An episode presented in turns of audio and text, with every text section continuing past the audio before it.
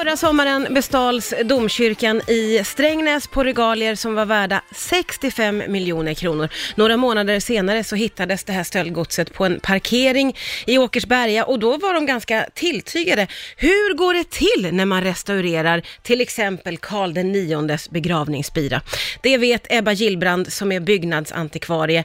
Ebba, hur illa tilltygade var de här dyrgriparna skulle du säga? Ja, jo, jo, de var, det hade hänt mycket med dem kan man säga. Eller, två av de här tre föremålen som stals hade ganska stora skador. Ja. Eh, så. Och, och hur, hur tar man sig an för att reparera sådana här gamla värdefulla saker? Ja, det är ju väldigt eh, grannlaga då. De är ju, föremålen är ju eh, sedan 1600-talets början och eh, begravningsregalier som det heter då. Att de Mm. gjordes till Karl IX och Kristina, hans frus begravning i domkyrkan på 1600-talets början som sagt. Och eh, de är väldigt sköra föremål från början, inte tänkta att användas så mycket utan Mm. de skulle då ligga i graven. Eh, så just när de stals från domkyrkan och eh, av någon anledning då så fick flera av dem eh, kraftiga skador och eh, ja, det, det är ett väldigt specialarbete. Ja, det Verkligen. låter som att man måste vara mycket, mycket försiktig. Ja, precis. Och det kräver ju då eh, specialkompetens. Så I det här fallet metallkonservatorer då, som är väldigt duktiga på det här. Eh, som kommer eh, utföra de här åtgärderna. Konservering som vi kallar det då. Ja. Hur, hur svårt skulle du säga att det här arbetet är? Ja, det är lite speciellt alltså, att de är så skadade. Men vi hanterar ju, jag jobbar ju på Länsstyrelsen och vi hanterar ju ofta den här typen av föremål Mm. med väldigt hö- högt konstnärligt värde. Mm. som finns i kyrkorna till exempel. Men de här sticker ju ut.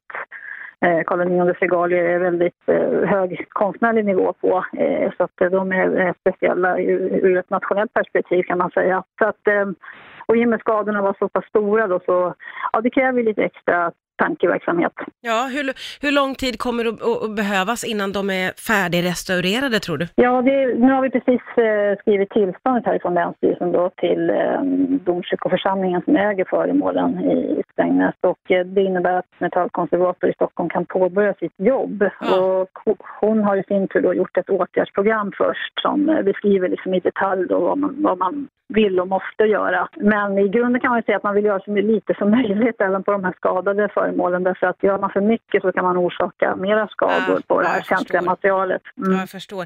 Hur ofta får man jobba med den här typen av historiska föremål? Ja, just de här eh, begravningsregalier, det är ju sällan eh, kröningsregalier eh, av den här karaktären. Det är inte så ofta. Men som sagt, kyrkorna i Sverige har väldigt mycket värdefulla föremål så att det är av liknande liksom, sort jobb- jobbar vi med då och då. Mm. Till exempel, ja, det kan ju vara allt från brudkronor till, till eh, ja, begravningsvapen och rustningar och Ja, just det. sådana saker. Men som inte har den här otroligt märkliga historien bakom sig får man ju hoppas då. Nej, det här är ju helt udda och Ja. eh, hela stölden är ju en eh, ja, Jönssonliga Ja. historia nästan.